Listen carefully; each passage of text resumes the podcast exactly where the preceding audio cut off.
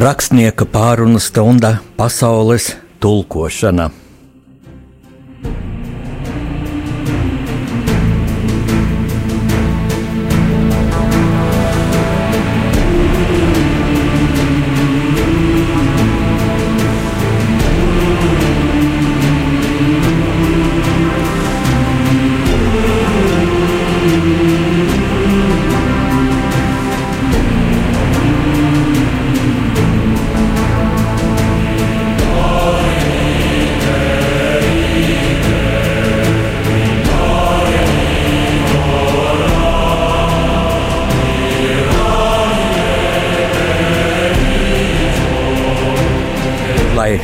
Slavēts Jēzus Kristus, mīļie klausītāji, kopā ar jums atkal esmu es, Jānis Udris, vairāk vēsturisku romānu autors. Jāteic, ka e, šīs divas nedēļas kopš mūsu iepriekšējās pārunas stundas ir bijušas ļoti mm, svarīgiem notikumiem, atkal piesātinātas. Jāsāk ar dramatisku notikumu, dramatiska notikuma gadskārtu notikumu, kas burtiski pārmainīja pasauli, tā ir Černobiļas atomelektrostacijas katastrofā 1986. gada 26. aprīlī. Tātad 30 gadi ir pagājuši kopš dienas, kas, es gribu teikt, pārmainīja pasauli, jo tas bija vārdu vistiešākajā nozīmē padomju ļaunuma impērijas agonijas sākums, sabrukuma sākums. Tagad no 30 gadu atstarpes tas ir ļoti skaidri redzams. 30 gadi ilgs laiks, kad izaugusi jauna paudze, kam vārds Černobiļa tas ir tikai nosaukums vēstures grāmatās, maz punktiņš kartē, e, taču manas paudzes cilvēki ļoti skaidri atceras šo ļoti saulaino silto pavasara dienu, cilvēki jau brauc uz pludmali, jau sauļojās. Un šis kontrasts, kas tik ļoti, ļoti mm, izteica visu padomju impērijas, padomju režīma, pie tam Latvijā tas bija okupācijas reži, režīms, šī režīma e, melīgo būtību. E, par to, kas ir noticis Černobiļā, ļoti ilgi, ļoti ilgi cilvēki nedabūja reālo priekšstatu. Sākumā bija tāds ļoti nervos, melīgs uh, un muļķīgs paziņojums, ka tur ir ugunsgrēks, nu, un ka viss tiek darīts, lai tas tiktu drīz vien nodzēsts, un ka nav nekāda pamata satraukumam. Eh, pēc tam e, parādījās tādi, mm, tādi komentāri, ka lūk, rietumos esot izdomājuši, ka Černobiļā kaut kas noticis, ka tās ir muļķības, lai cilvēki netic šai rietumu briesmīgo imperialistu propagandai. Un ļoti interesants moments, ka uh, relatīvi nesen bija stājies amatā PSKP, tas Padomju Savienības komunistiskās partijas ģenerāla sekretāra amatā, Mihails Gorbačovs, kas nāca ar šo atklātības uh, politiku, ka nu viss tagad būtu savādāk, tautai viss ir jāzina. Un tajā brīdī, un mēs jau dzīvojot Padomju impērijā un jāteic, ļoti atklāti, ļoti godīgi, kad mēs jau tikai varbūt kaut kādos ļoti klusos sapņos eh, cerējām, ka nu varbūt mūsu eh, mazbērni kādreiz dzīvos atkal brīvā valstī, jo šī impērija vēl likās ļoti varena, nesatricināma.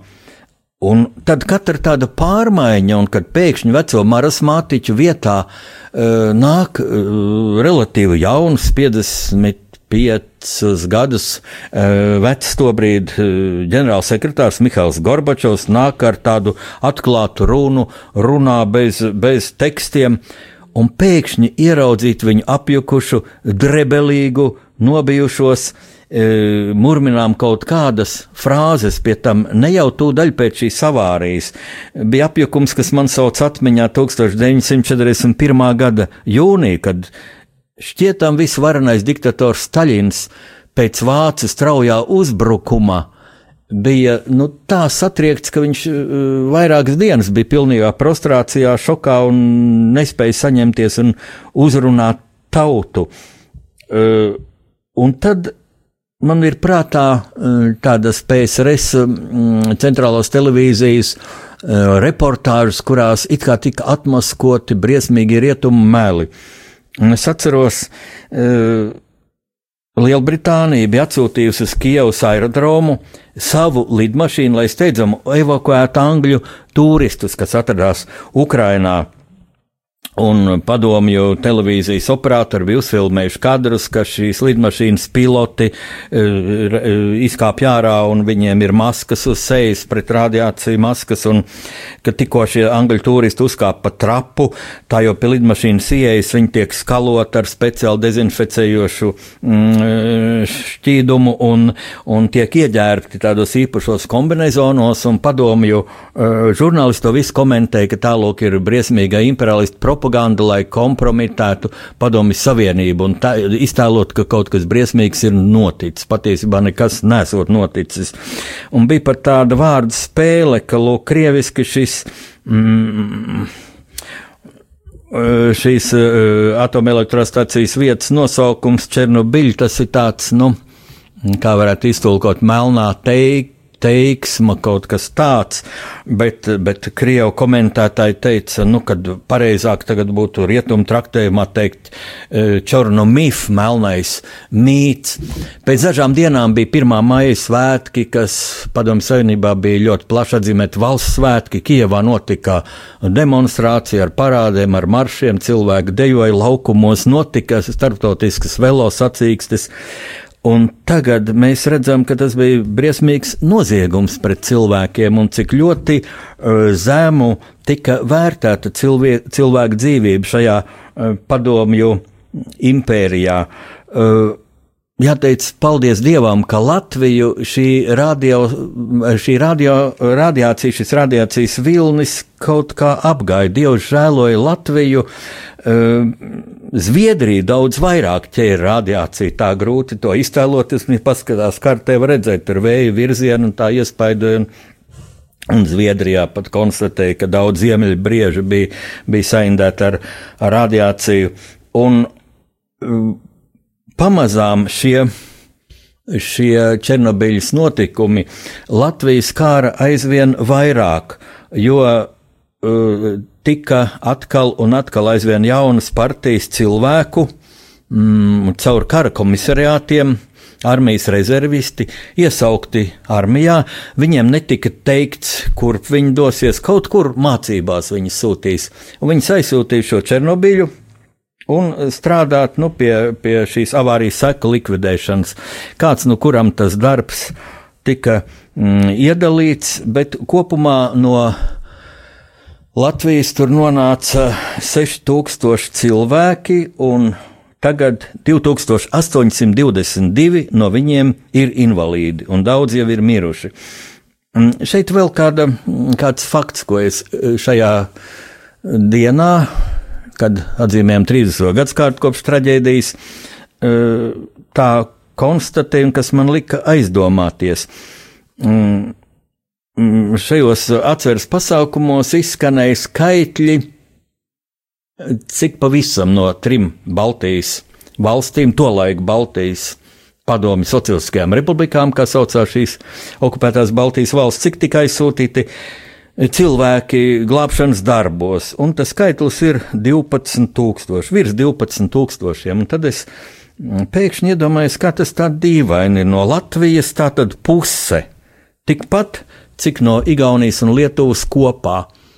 Un metot atskatu vēsturē, pēkšņi es saskatīju traģisku paralēli ar 1949. gadu, 25.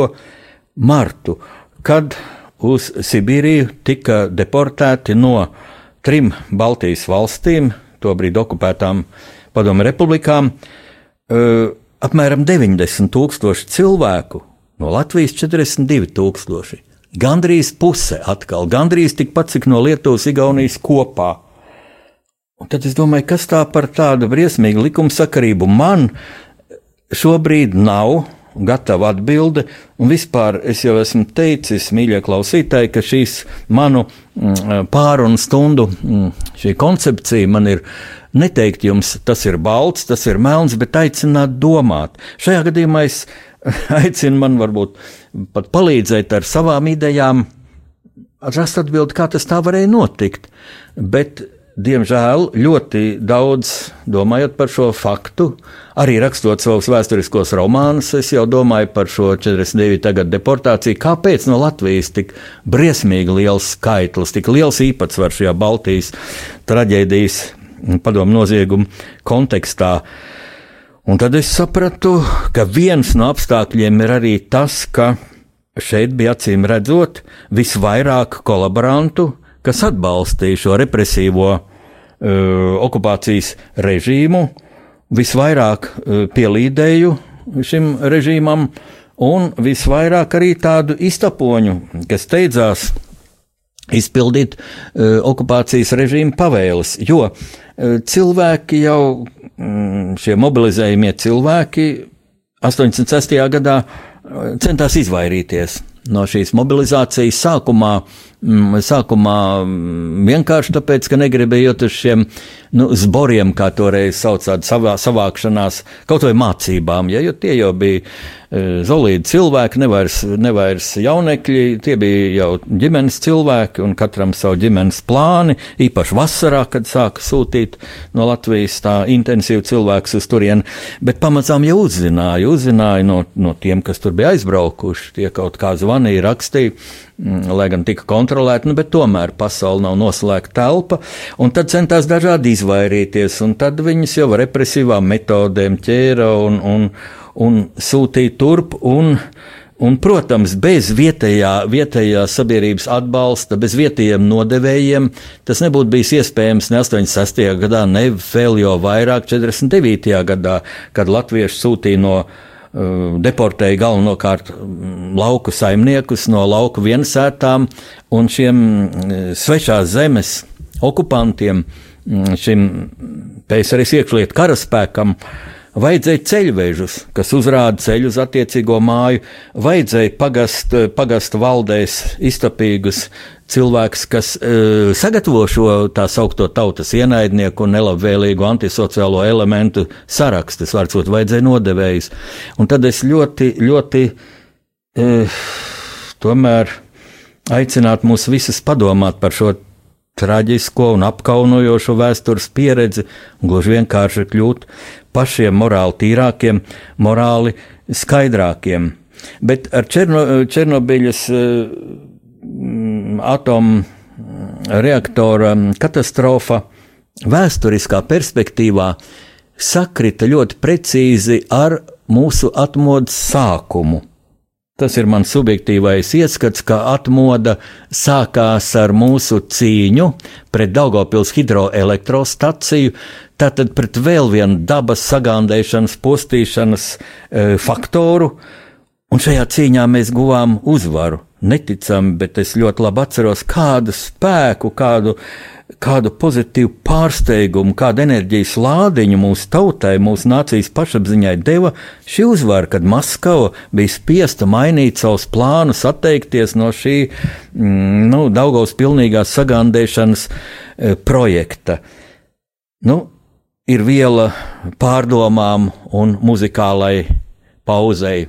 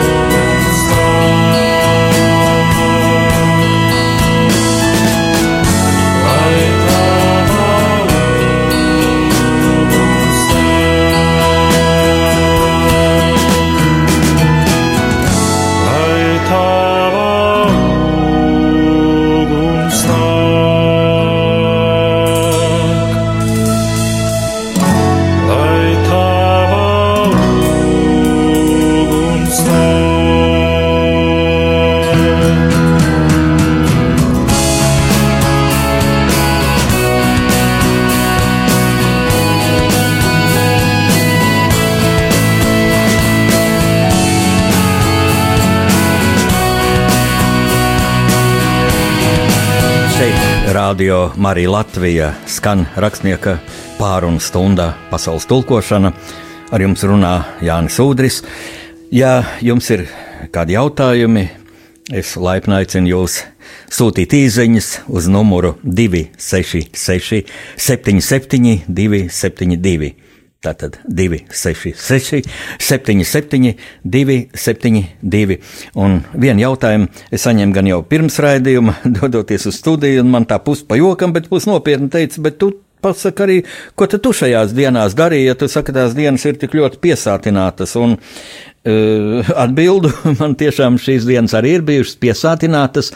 Uh, vispirms. Uh, Šajā nu, dramatiskā notikuma atceres dienā, 26. aprīlī, man bija tāds eh, arī priecīgs notikums, jo es um, tiku apbalvots ar Valsts aizsardzības fonda Latvijas goda zīmi par saviem vēsturiskiem romāniem, un, kā rakstīts šī apbalvojuma dokumentā, par sabiedrības patriotisko audzināšanu. Es izmantoju izdevību teikt paldies tiem cilvēkiem, kas man apsveica, un, un teikt, ka to es to uzskatu nu, kā tādu, kā tādu mm, atgādinājumu, ka, jā, ka jāraksta vēl vairāk un vēl labāk.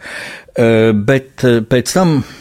Mm, otradien, pagājušajā otrdienā bija pats neparastākais projekts manā radošajā darbībā, proti, Tirniecības centrā Dole Tur otrajā stāvā ir interesanti izstāžu zāle, un tur tika atklāta foto izstāde par manu daļradi. Tā ir izstāde ar tādiem nu, simboliem par manu e, lauku vasaras mītni, mm, kur, kur es daudz ko pats esmu būvējis, un, un, un kur top mani romāni galvenokārt tur. Un izstāde saucas Jāņa Udra rakstītava, bet e, šai izstādē ir ļoti dziļš e, filozofiskais Mm, tāds zemteksts, un to ir jāredz. To nav iespējams izstāstīt, tā kā laipni lūdzu. E, Tirniecības centrā Dola otrajā stāvā līdz pat jūnija sākumam ir šī izstāde. E, ieja, protams, brīva. E, es vienīgi piebildīšu, ka šai izstādē moto ir Dievs dod, kā varu redzēt, jo tur simbolu valodā ir parādīts tas, cik bieži sabiedrībā Eh, tic meliem, kā cilvēki tiek apmeloti, kā gaisma cīnās ar tumsu. Nu, tāds ļoti dziļš saturs. Un vēl izmantojot izdevību, es gribu ielūgt tos radiom arī Latvijas klausītājus, kuras interesē Latvijas vēsture un īpaši skolu jaunatnes skolēnus. Uz savas audio grāmatas prezentāciju, kas notiks pirmdien, Eiropas dienā, 9. maijā, pulksten 12.30, tātad pusdienos, Juglas ielā 14, kur atrodas Latvijas neredzīgo biblioteka. Tas ir tajā sauktajā Strasdamūžā, Strasdamūžas parkā, sastā tramvaja galpunktā, un šī grāmata jau ir labi pazīstama jaunajiem lasītājiem. Tā ir zinātniskās fantastikas grāmata Melders un Matīs ceļojums vēsturē. Jeb vēl darba nosaukums ir Latvijas dzīvā vēsture tīņiem. Ļoti krāsaina grāmata, kurā autors Jānis Udrs ar saviem mazbērniem, patiešām maniem īstiem mazbērniem, Meldru, Matīs un Kristiānu, iztaigā nu, kā tādā laika ma mašīnā visu Latvijas vēsturi no mūsu brīvības cīņām līdz pat uh, atmodai, atmodai, kurā vecāks pats piedalījās. Uh, šī grāmata ir diezgan populāra jauno lasītāju vidū, bet man, mani sāpināja tas, ka to nevar izlasīt. Uh, tie pusauģi, kuriem kuriem ir, ir redzes problēmas. Tādēļ es ierunāju šo grāmatu audio variantā. Tad, tad audio grāmatas e, prezentācija pirmdien, 9. maijā, pusdienos dienā. Ieja, protams, brīva, laipni visi tiks gaidīti. Bet es gribu turpināt ar Černobiļas atceru un Černobiļas mācībām, jo Nu, klausītāji noteikti atceras, ka pērn, pērn notika uh, līdzīga, briesmīga atomelektrostacijas katastrofa Japānā, Fukushimā. Un te nu ir gan daudz līdzīga, gan daudz atšķirīga, jo Fukushimā šo katastrofu izraisīja zemestrīce. Un te var, var, var diskutēt, var zinātnieki spriest un lēst, vai ir saprātīgi seismiski bīstamā vietā celt, zem, celt šādas atomelektrostacijas. Nu, protams, ka nav, bet jautājums, kas izraisīja Černobiļas atomelektrostacijas katastrofu. Un tad es esmu daudz pētījis arī Krievu Krievu televīzijas dokumentālos kadrus, arī tādus vēsturiskus kadrus par to, kā tappa šī atomelektrostacija. Un tad reportāžās bija ļoti daudz patosa un tādu lozungu, ka tas ir mierīgais atoms, krieviski tas tā labi skan, mirnī atom, vai varbūt mierīgais atoms, ja cilvēks ir tik nevarīgs šī bīstamā dabas spēka priekšā, vai, vai Es uzskatu, ka vajadzētu pasaulē atteikties no šādām atomelektrostacijām, gluži vienkārši dzīvot saprātīgāk, ekonomiskāk, un tad jau enerģiju atrastos. Cilvēkiem vajadzētu atteikties no savas mantrausības, no savu patēriņu kulta, kas liek atkal un atkal ražot jaunas preces un vajag arvien vairāk enerģijas, un, un ener, fosīlie energoresursi tiek izsmelti, un tad lūk šī atomenerģija. Es domāju, tas ir pārāk briesmīgs spēks un pat vismodernākās tehnoloģijas, nu, nu, nu, tomēr man liekas, ir amorālas. Bet Padomjas Savienībā viena no lielākajām traģēdijām bija dubultā ekonomika, dubultie rādītāji, visu laiku kaut kādi termiņi, kaut kādi plāni un pretplāni, plānu jāpārspēj, tad ir prēmijas, tad ir slava, tad ir diplomi, ja, ne, ja šo plānu sastādītu reāli un izpildītu reāli, tad tas skaitītos slikts darbs. Un tas, protams, viss iespaidoja kvalitāti, šī atomelektrostacija, es domāju, bija celta pat arī zogot materiālus, jo tā bija plaši izplatīta praksa padomju savienībā, varbūt cements nebija tik pietiekami kvalitatīvs, un tā tālāk, un tā tālāk, un aizejot jau šai neiedzību ķēdei līdz visaugstākajām tehnoloģijām, kur arī droši vien bija paviršība. Un, starp citu, tas īsti arī nav izmeklēts un nav īsti pateikts, kas bija šī vaina. Bet Es šajā dienā biju kopā visu dienu ar uh, Latvijas Savienības Černobiļa uh, biedriem, jo diena sākās no rīta pie piemiņas akmens Černobiļas katastrofas likvidētāju uh, piemiņai cilvēkiem, kas ir gājuši bojā Černobiļā, kur ir zaudējuši veselību. Mm, šis piemiņas akmens ir Stradiņas slimnīcas pagalmā mm, pašā viņā galā aiz poliklīnikas ēkas. Un šajā poliklinikā arī ir zīmīgi ir īpašs Černobiļas kabinets. Es runāju ar ārsti, šī kabineta vadītāju, e, ko tieši jūs darat. Un viņi teica, nu, ļoti daudz mums ir jādara, jo šīs saslimšanas ir ļoti dažādas. Gan cilvēkiem uzkā, uzkrājas kaulos troncijas un viņi cieši sāpes staigājot, e, gan, gan mm, asins saslimšanas, kas ir ļoti briesmīgas, mokošas un beidzas bieži vien letāli. Un šī sieviete teica, ziniet, nu, mēs vispirms tā konkrēto cilvēku izmeklējam, un tad sēžam ar viņu kopā un, un lēšam, kalkulējam, ko par to naudu, ko viņš no valsts saņem, kompensācijas par bojāto veselību un invaliditātes pensiju un tā tālāk un tā tālāk. Lūk, ko viņš par šo naudu var vis, kā vislabāk to var izmantot, kādas, kādas medikamentus, kādas procedūras. Un tas ir ļoti, ļoti mm, apsveicami manā pārliecībā. Un man vēl kas pārsteidza, ka tur skanēja divas valodas, jo latviešu valoda un krievu valoda visas runas tika tulkotas, protams. Latviešu runas tika pārtulkotas uz krievu valodu un otrādi, jo daudzi no šiem Černobiļas e, seku likvidētājiem uh, Es viņus gribētu saukt par Černobiļas varoņiem un Černobiļas upuriem reizē. Nu, daudz ir krievi vai citautību cilvēki, kuri tā arī neprot latviešu valodu. Nu, tas, protams, ir slikti, tas, protams, ir nosodām. Bet mēs esam kristieši un piedosim viņiem šobrīd, jo šoreiz, jo tie jau ir gados paveci cilvēki, tie ir slimi cilvēki, tie ir cilvēki, kur slimības ir nomocījušas. Un, un pats galvenais, ko es tajā dienā sapratu, ir katra Latvijā dzīvojoša cilvēka attieksme pret mūsu valsti. Un šie cilvēki ņēma vārdu un runāja krievu valodā, jā, viņi tika tulkoti, un viņi ar ārkārtīgi dziļu cieņu runāja par Latvijas valdību, par Latvijas sabiedrību, par latviešiem, kuri vada šo Černobiļas savienību, viņu, viņu, viņu pašu nelaimes brāļi, kas arī kopā strādāja Černobiļā, arī eh, zaudēja tur veselību. Viņi runāja ar dziļu cieņu.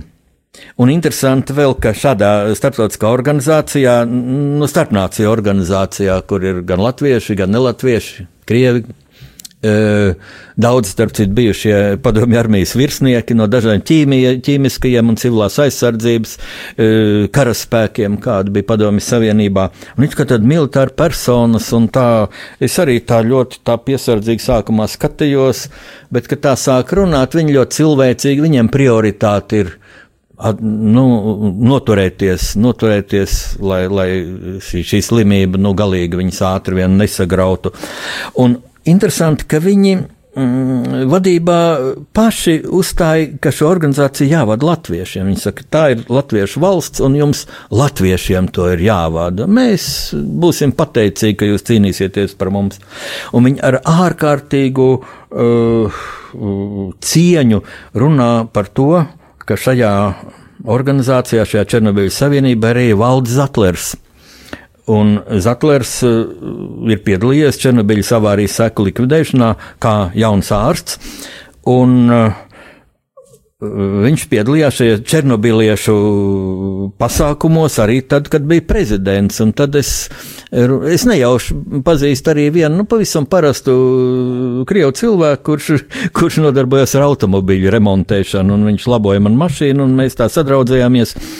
Viņš uh, Ar kādu cieņu viņš runāja, tu zini, Jāni, mums bija prezidents atnācis pie mums, jā. Tu saproti, kā mūsu Latvija novērtē.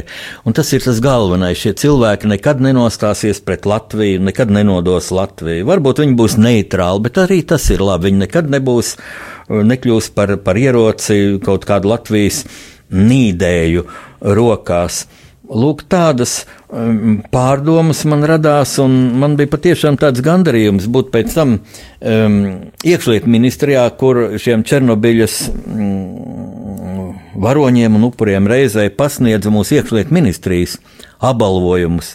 Pavisam tiks apbalvoti visi šie Černobiļas dalībnieki. Nu, pirmajā kārtā apbalvoja 100, 120 cilvēkus, un tas bija ļoti aizkustinoši. Bet pie šī pieminekļa man bija. Piemiņas akmens man bija jādomā arī par pašreizējo Krieviju. 30 gadi ir pagājuši, ir sabrukusi Padomjas Savienība, kas būtībā izdarīja milzīgu noziegumu pret cilvēci un pret saviem PSRS pilsoņiem, sūtot cilvēkus ar varu, caur armiju, caur armijas disciplīnu, sūtot nezināmā pasākumā, pietiekami neapmācītus, neapgādātus ar, ar, ar aizsargu līdzekļiem, kādiem vajadzētu būt, bez pietiekamas instruktāžas. Šī melu impērija, te nāk prātā atkal salīdzinājums ar šo Fukushimu. Nu, avārija ir briesmīga un ir jāspēr ļoti jā, briesmīgi soļi pirmajos brīžos, lai to lielumu, lielumu sag, nu, saglābtu. Un tad Japāņu mm, televīzija rādījusi tādus kadrus, kad lūk, Japāņiem atkal ir kamikadzes, brīvprātīgie pašnāvnieki. Tas, tas bija īpašs tāds Japāņu karošanas veids Otrajā pasaules karā, kad jau gāja Japāņiem pavisam slikti Mm, un tad radās kamikadzes brīvprātīgie lidotāji, kuri gāja nāvē par savu dzimteni, par savu ideoloģiju, par savu imperatoru toreiz, nu, kā nu viņi bija audzināti. Uh, jā, arī dziļās bušido filozofijas tradīcijās, samuraju tradīcijās, lidotāji, kuri ar savām lidmašīnām piekraut lidmašīnu ar sprākstvielām un Un, eh, un tā tad, eh, nu, pikēja uz eh, amerikāņu kara kuģiem. Tas bija ļoti bīstams un spēcīgs ierocis. Un tagad, lūk, šādi brīvprātīgie viņi atvadījās no tuviniekiem, izvēra savu sakēju glāzīti un maršēja iekšā šajā Fukushimas radiācijas zonā, lai mirtu, lai glābtu cilvēci. Te nāk prātā šie vārdi, kas ir izglābis vienu cilvēku, ir izglābis cilvēci, bet viņi glāba tūkstošiem, simtiem tūkstošu cilvēku. Nu, lūk, kas notika pie šī mm, Černobiļas uh, piemiņas akmens. Ieradušies ārvalstu diplomāti no trim valstīm. Bija Ukraiņas vēstnieks, ļoti simpātisks cilvēks. Viņš iziet priekšā, un viņš paņem lapiņu, un viņš runā latviešu. Tā ir tā diplomātijas tradīcija, tā, tāds reverants pret, pret valsti, kurā ārvalstu diplomāts strādā, pateikt sākumā kādu frāzi latviešu. Viņš norunāja, nolasīja visu savu runu latviešu, labā latviešu valodā. Es viņam pēc tam pateicu komplimentu. Pēc tam runāja Baltkrievijas vēstniece, sieviete.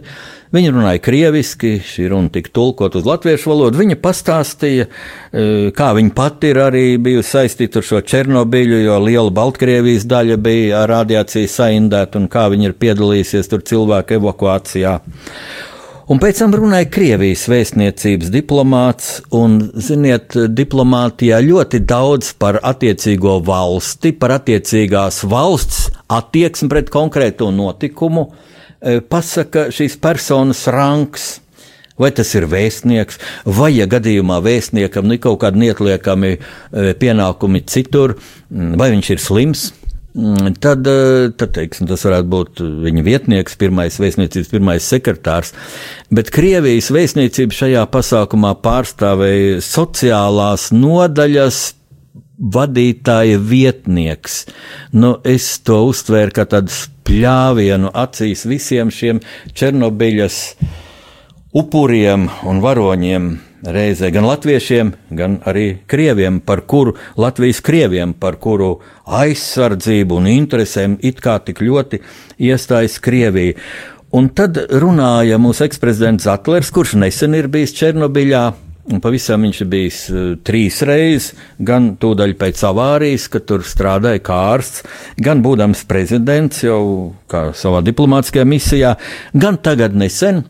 Un viņš stāstīja, ka joprojām 30 gadus pēc šīs katastrofas turpinās mm, šo seku likvidēšanu. Tagad šim, šai, šai avārijas vietai būvē pāri milzīgu, milzīgu, modernu, hiperdrošu sarkofāgu, un šajā būvē piedalās ļoti daudzas pasaules valstis ar savām modernākajām tehnoloģijām, ar saviem līdzekļiem, ar saviem materiāliem - Amerika, Japāna, Zviedrija, Šveice un tā tālāk. Un tā tālāk.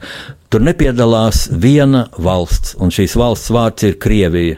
Kad es to dzirdēju, nu, man palika tā jocīgi. Un tad es domāju, kāda ir šīs valsts kura savā būtībā nav mainījusies, ir mainījies valsts nosaukums no PSRS, no Padomju impērijas, kas bija milzīga, kas, kas bija ieplētusies gandrīz pa, visu, pa pusi Eiropu.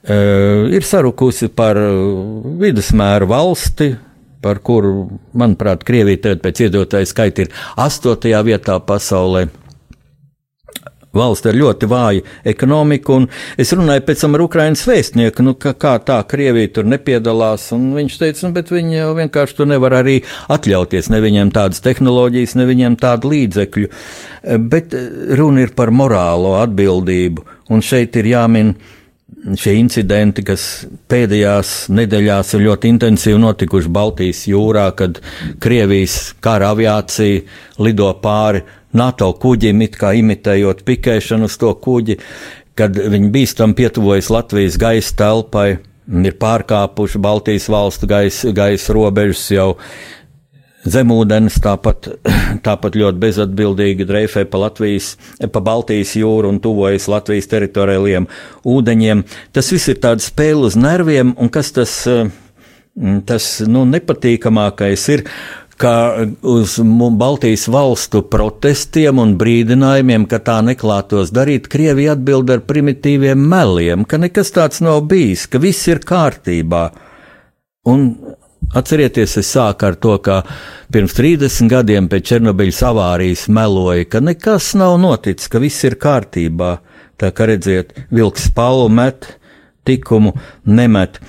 Un šeit man ļoti simptomātiski likās tāda Krievijas histērijas lēkuma, konkrēti Krievijas ārlietu ministra Sergeja Lavrova histērijas lēkuma pēc tam, kad mūsu mm, valsts oficiāla komisija padomju okupācijas seku izvērtēšanai e, paziņoja, e, kāds ir šo padomju okupācijas e, nodarīto zaudējumu apjoms Latvijai. Tātad tādi tiešie zaudējumi ir 185 miljārdi, Tur ir ļoti sarežģīti aprēķini, bet, bet nu, ļoti zinātniski pamatot aprēķini par, par sagrautu ekonomiku un tā tālāk, un tā tālāk, un gal galā e, padomju okupanti paņēma mūsu armijas bruņojumu un tā tālāk, un tā tālāk, un, un es tiešām neņemos spriest, kā var aprēķināt, piemēram, cik maksā uh, nu, noslapkotie cilvēki, ja, bet Tātad kopumā eh, kopējie zaudējumi vēl bez šiem ļoti tiešajiem 185 miljardiem, kopumā zaudējumi ir 300 miljardi.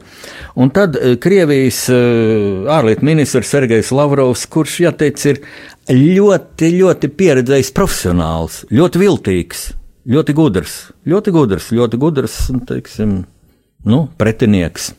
Jo mums jau, nu, viņš bieži ar naidīgiem tādiem izteicieniem pret pret Latviju, pret Baltijas valstīm izceļas, bet katrā ziņā ļoti, ļoti rūtīts profesionāls, un viņš pēkšņi izdarīja kaut ko ļoti neprofesionālu. Viņš izplūda histeriskā naida lēkmē un brēc, te ir meli, un, un, un vēl Krievija varētu paprasīt, lai Latvija e, atdod naudu par uzceltām rūpnīcām un tā tālāk.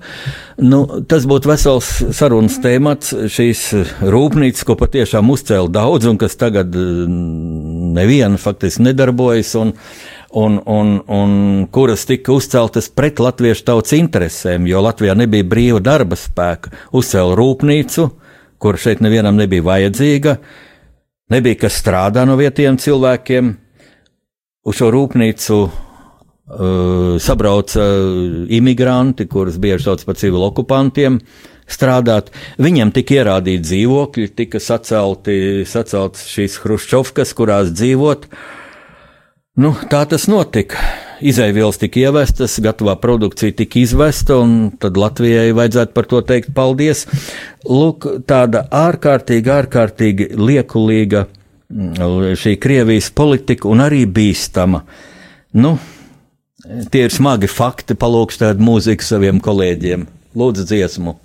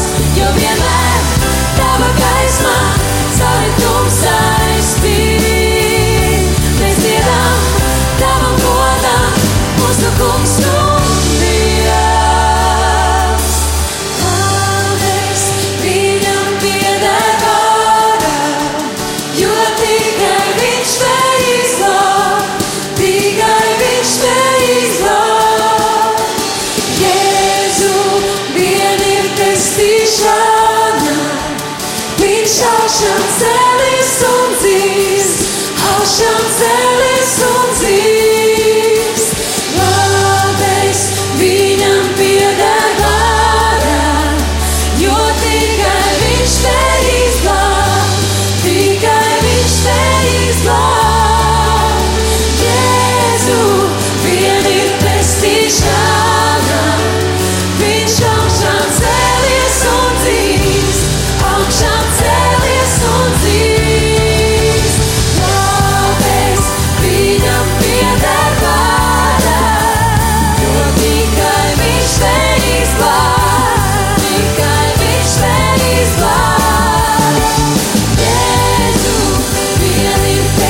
Skan Radio Marija Latvija, rakstnieku pārunu stunda. Ar jums runā Jānis Udris. Tikko viena klausītāja atsūtīja īsiņu ar jautājumu, paldies par raidījumu, vai būšana par Latvijas patriotu ir savienojama ar 9. māju uzvaras dienas svinībām. Nu, protams, ir tikai viena atbilde - nav savienojama, un mums te nu, absolūti nav ko svinēt, jo otrā pasaules kara beigas Eiropā, kas Eiropas tautām, citām Eiropas tautām bija tiešām prieka un uzvaras diena, mums nozīmē tikai jaunas okupācijas sākumu. Es pats piedzimu 45. gadā, un šajā 9. maijā, un arī manas dzimšanas dienā vēlāk, uh, mans teicis bija Sibīrijā Un mamma pat nezināja, vai viņš ir dzīvs, um, par ko viņš ir izsūtīts. Vienkārši viņš bija izsūtīts. Viņa sākumā it kā gribēja mobilizēt sarkanajā armijā, bet tad viņš attapās. Ogi ir aktuvējis Sibīrijā. Tā kā mums šeit nav ko svinēt, bet uh, vēsture iet savu gaitu. Mēs tagad esam Eiropas Savienībā, un 9. maija ir Eiropas diena. Eiropas diena tā nav svinamā diena, tā ir darba diena, bet eh, mēs to atzīmējam. Pa, teiksim, demonstrējot savu, savu draudzīgu sadarbību ar saviem partneriem uh, Rietumē, Eiropā.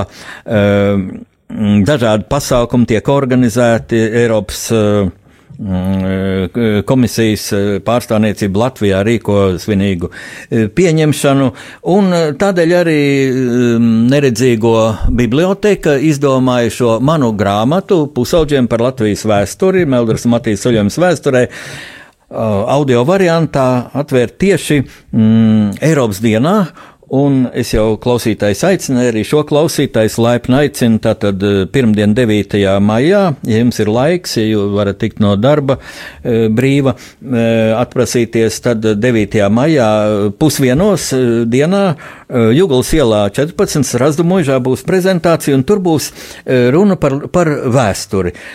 Interesanti, ka turpat blakus ir neredzīgo skola. Un vēstures skolotājs ir apsolījis atvest arī uz vēstures stundu e, savus skolēnus, vienu klasi, lai viņi noklausītos, tā teikt, rakstnieka vadītu vēstures stundu. Pēc tam bērni aizies atpakaļ, un tad jau ar, ar pieaugušiem mēs turpināsim e, sarunu par Latvijas vēsturi, kas ir bijusi ļoti smaga. Un lūk, atgādinājums šai vēsturei būs arī uh, svētdien, 8. maijā. Mm, kas ir patiesībā nu, Rietuma Eiropai, visai Rietuma pasaulē uzvaras diena pār hitlerisko Vāciju. Um, nu, mēs varētu priecāties līdz ar saviem rietumu sabiedrotiem, saviem partneriem NATO un Eiropas Savienībā, ka viņiem tā bija prieka diena. Mums tā tad okupācija turpinājās, un jāsaka, skaidri turpinājās tāpēc, ka Nu jā, ka rietumu lielvalsts mums bija nodevušas Jaltas konferencē, vēsture kāda bija, tāda bija, un karš diktēja mm, tādus dramatiskus lēmumus, īpaši Baltijas valstīm. Bet patiesībā vēsture ir tāda, ka 9. maijs ir ļoti atkal pievilkts ar tādu melīgu Krievijas, sākumā padomi, tad Krievijas turpinātu e, propagandu par kaut kādu uzvaras dienu, jo patiesībā jau Vācu armija rietumu spēkiem kapitulēja kapitulēja jau 7. maijā, pulkstenis 02.42 minūtēs naktī. Tas notika Reimsā. Kapitulāciju parakstīja vācu ģenerālis Jodls. Un, uh, Un tur piedalījās un parakstīja arī viens krievu, krievu armijas ģenerālmajors. Netur par vajadzīgu atcerēties šī vīra vārdu, bet, kad Staļins to uzzināja, tad Staļins iedegās niknās dusmās un pieprasīja, lai vēlreiz tiek parakstīts kapitulācijas akts, kurā jau to scenāriju, tā scenāriju būtu rakstījusi e, Padomju Savienība. Un tad, nu, pēc vienas diennakts, kad nu, rietumnieki saprata, rietumus nu, jā, toreizie padomu senības sabiedrotie saprata, ka nu, jāieklausās šajā Staļina mm, histēriskajā prasībā. Tad, lūk, 9. maija naktī, pusstundu pēc pusnakts Berlīnē, Berlīnas priekšpilsētā Kar Karls Horstē tika parakstīts um, kapitulācijas akts jau kur Krievija bija galvenā. Šo, šo, šo ceremoniju vadīja maršals Žukovs un, un uh, No Vācijas puses parakstīja kapitulācijas aktu feldmaršals Keitels, un ja viņš rietumniekiem parakstot, parakstu brīdī, kad Jodls parakstīja rietumniekiem pirms divām dienām kapitulācijas aktu, viņš vēl bija pajokojis, viņš ieraudzīja, ka tur aiz galda sēž arī franču pārstāvs, jā, franču armijas pārstāvs, un, un tad viņš pasmēs, viņš teica, ko vai tad mēs Francijā arī esam zaudējuši kāru, un viņam teica, jā, jūs Francijā arī zaudējāt. Tad šeit jau bija nu, tā ļoti, ļoti demonstratīva padomi dominante parādīt, kad Keitels ienāca un zālē pacēla savu maršalu zīzli, nu, kā virsniekiem pieņems, un viens viņam neatbildēja, ka viņš parakstīja šo dokumentu, viņam teica, vācu delegācija var atstāt zāli. Tāda ir vēsture. Tātad mums 9. nav nekas, ko svinēt, bet es gribu pēdējā šī raidījuma minūtes izmantot tādam, tādam, tādām pārdomām par to, kā kristīgam cilvēkam izturēties pret šo 9. maija mm, ceremoniju pie pārdagos pieminekļa, e, kurā piedalīsies daudzi tūkstošiem krievu cilvēki. Un te ir vairāk momenti. Viens, ko es ļoti augstu vērtēju, tas bija mana drauga Marinas Kostaņeckas, Latvijas patriotes, ļoti inteliģents krievu rakstnieces, starp citu, kur arī eh, smagi cieta uh, sabojāja savu veselību Černobiļā, jo viņi tur aizbrauca kā rakstniece uzstāties. Lūk, Marins Kostaņeckis skaidrojums. Viņa teica, tāpat kā latviešiem, gandrīz nav ģimene, kas nebūtu cietusi no padoma režīma, vai nu no deportācijām, vai no, no cīnīšanās svešā armijā, vai nu padomi, vai Vācu armijā, kur latvieši bija ar varu mobilizēti. Tā krieviem gandrīz nav neviena ģimene, kurā kāds vai tuvāks vai tālāks radinieks nebūtu e, kritis šajā otrajā pasaules karā, ko Krievs sauc par lielo tēvijas karu. Un e, Krieviem iet pie šī pieminiekļa, nolikt ziedus, nozīmē pieminēt šos savus tuviniekus. Un tagad, kā kristieši, padomāsim, vai mums varētu būt kas pret to, Ja viņi tur ietu, nu, protams, labāk būtu, ja viņi ietu uz mazām kapsētām, ja nebūtu tik liels cilvēku masas, kuras var veikli diriģēt, teiksim, Latvijai naidīgi spēki. Un ir centušies to darīt. Tādi gadījumi ir bijuši. Tādēļ ļoti svarīgi, lai šeit būtu laba kārtība nodrošināta pie šī pieminekļa. Es domāju, tur nebūtu nekas iebilstams, bet man ir liels jautājums, kāpēc, ja tiek pieminēti šī kara upuri, cilvēki, kas zaudēja dzīvību cīņā pret nacismu, Un šis režīms bija jāsagrauj. Cita lieta, kad tie sagrāvēji pārstāvēja eh, nemazāk briesmīgu staļinisko režīmu, ko es sauktu par sarkano fašismu. Bet kāpēc šajā ļoti vērienīgajā ceremonijā, kur, kur, kur ir runas, kur skan, eh, pēc tam skan dziesmas, koncerts, bet kāpēc nav tāds eh, elements kā kristīgs aizlūgums par kritušo dvēselēm? Kur varētu piedalīties dažādu konfesiju garīdznieki, protams, pareizticīgo garīdznieki, katoļu, luterāņu, varbūt arī, arī judaistu garīdznieki, jo, jo sarkanajā armijā cīnījās daudz ebreju. Tas nav.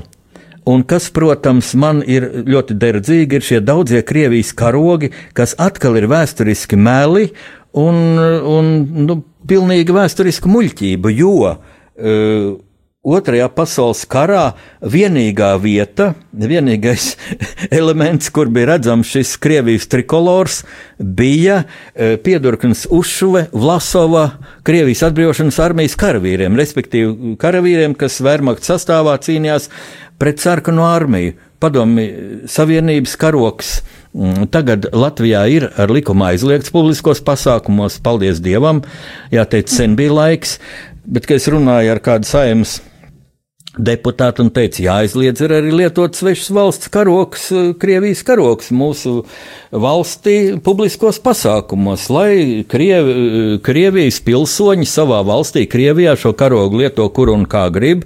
Tā nav mūsu darīšana, bet mūsu darīšana ir, lai svešas valsts karoks neplīvotu. Uh, daudzos, daudzos eksemplāros Rīgā vienā publiskā vietā, lai šis karoks plīvo pie Krievijas vēstniecības un ar to arī pietiktu. Nu, tad man bija atbilde, ka nespēku samērs lūk ir tāds, tomēr paldies Dievam, ka mēs jau izdabūjām cauri to, ka šis PSRS karoks nav. Nu, tā, tāda nu, mēs esam. Vienkārši domāsim par to, kādus politiķus mēs ievēlam savā saimā, bet šajā dienā es aicinu izturēties visus ar lielu iecietību, toleranci, nepaļauties provokācijām. Es domāju, ka Rīgas doma darīs arī savu darbu, lai nodrošinātu labu kārtību, jo Nu, man nebija laika runāt par to, ka Nils Ušakovs būtībā apvainoja mūsu nāciju, visu, ka nav bijusi okupācija. Pēc tam televīzijā ļoti veikli intervijā pagriez, ka nē, nē, viņš tikai par latviešu politiķiem ir runājis, kas vienmēr aizbildinās ar okupāciju. Nē, Nils Ušakovs apvainoja mani, manas kaimiņus, manu ģimeni, manu tēvu piemiņu, un viņam par to vajadzētu latviešu um, tautai atvainoties. Nu, Ja viņš būtu gudrs politiķis, viņš to izdarītu, viņam tiktu piedots un, un lai viņš saimnieko tālāk. Bet nu, šis, es domāju, viņam tāds pārbaudījums pie tā pieminiekļa jābūt ideālai kārtībai. Nu, bet latvieši, es domāju, latviešu patrioti brauks uz Lesteni 8. maijā, kur pulkstenis 14. tiks godināta tur jau aprīlī apglabātu no Krievijas pārvestu e, latviešu karavīru, leģionu karavīru piemiņa. E, gada sākumā jau no Krievijas atveda, no Krievijas purviem atveda vairāk kā 200 leģionāru mirstīgās atliekas. Viņi tika apglabāti, pārabedīti jau 11.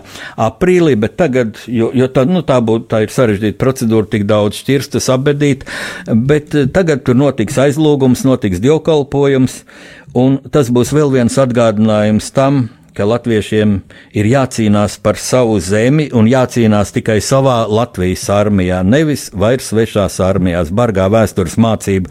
Ar to es arī beidzu šo rakstnieku pārunu stundu, pasaules tulkošanu, lai Dievs jūs svētī un sargā, lai Dievs svētī Latviju.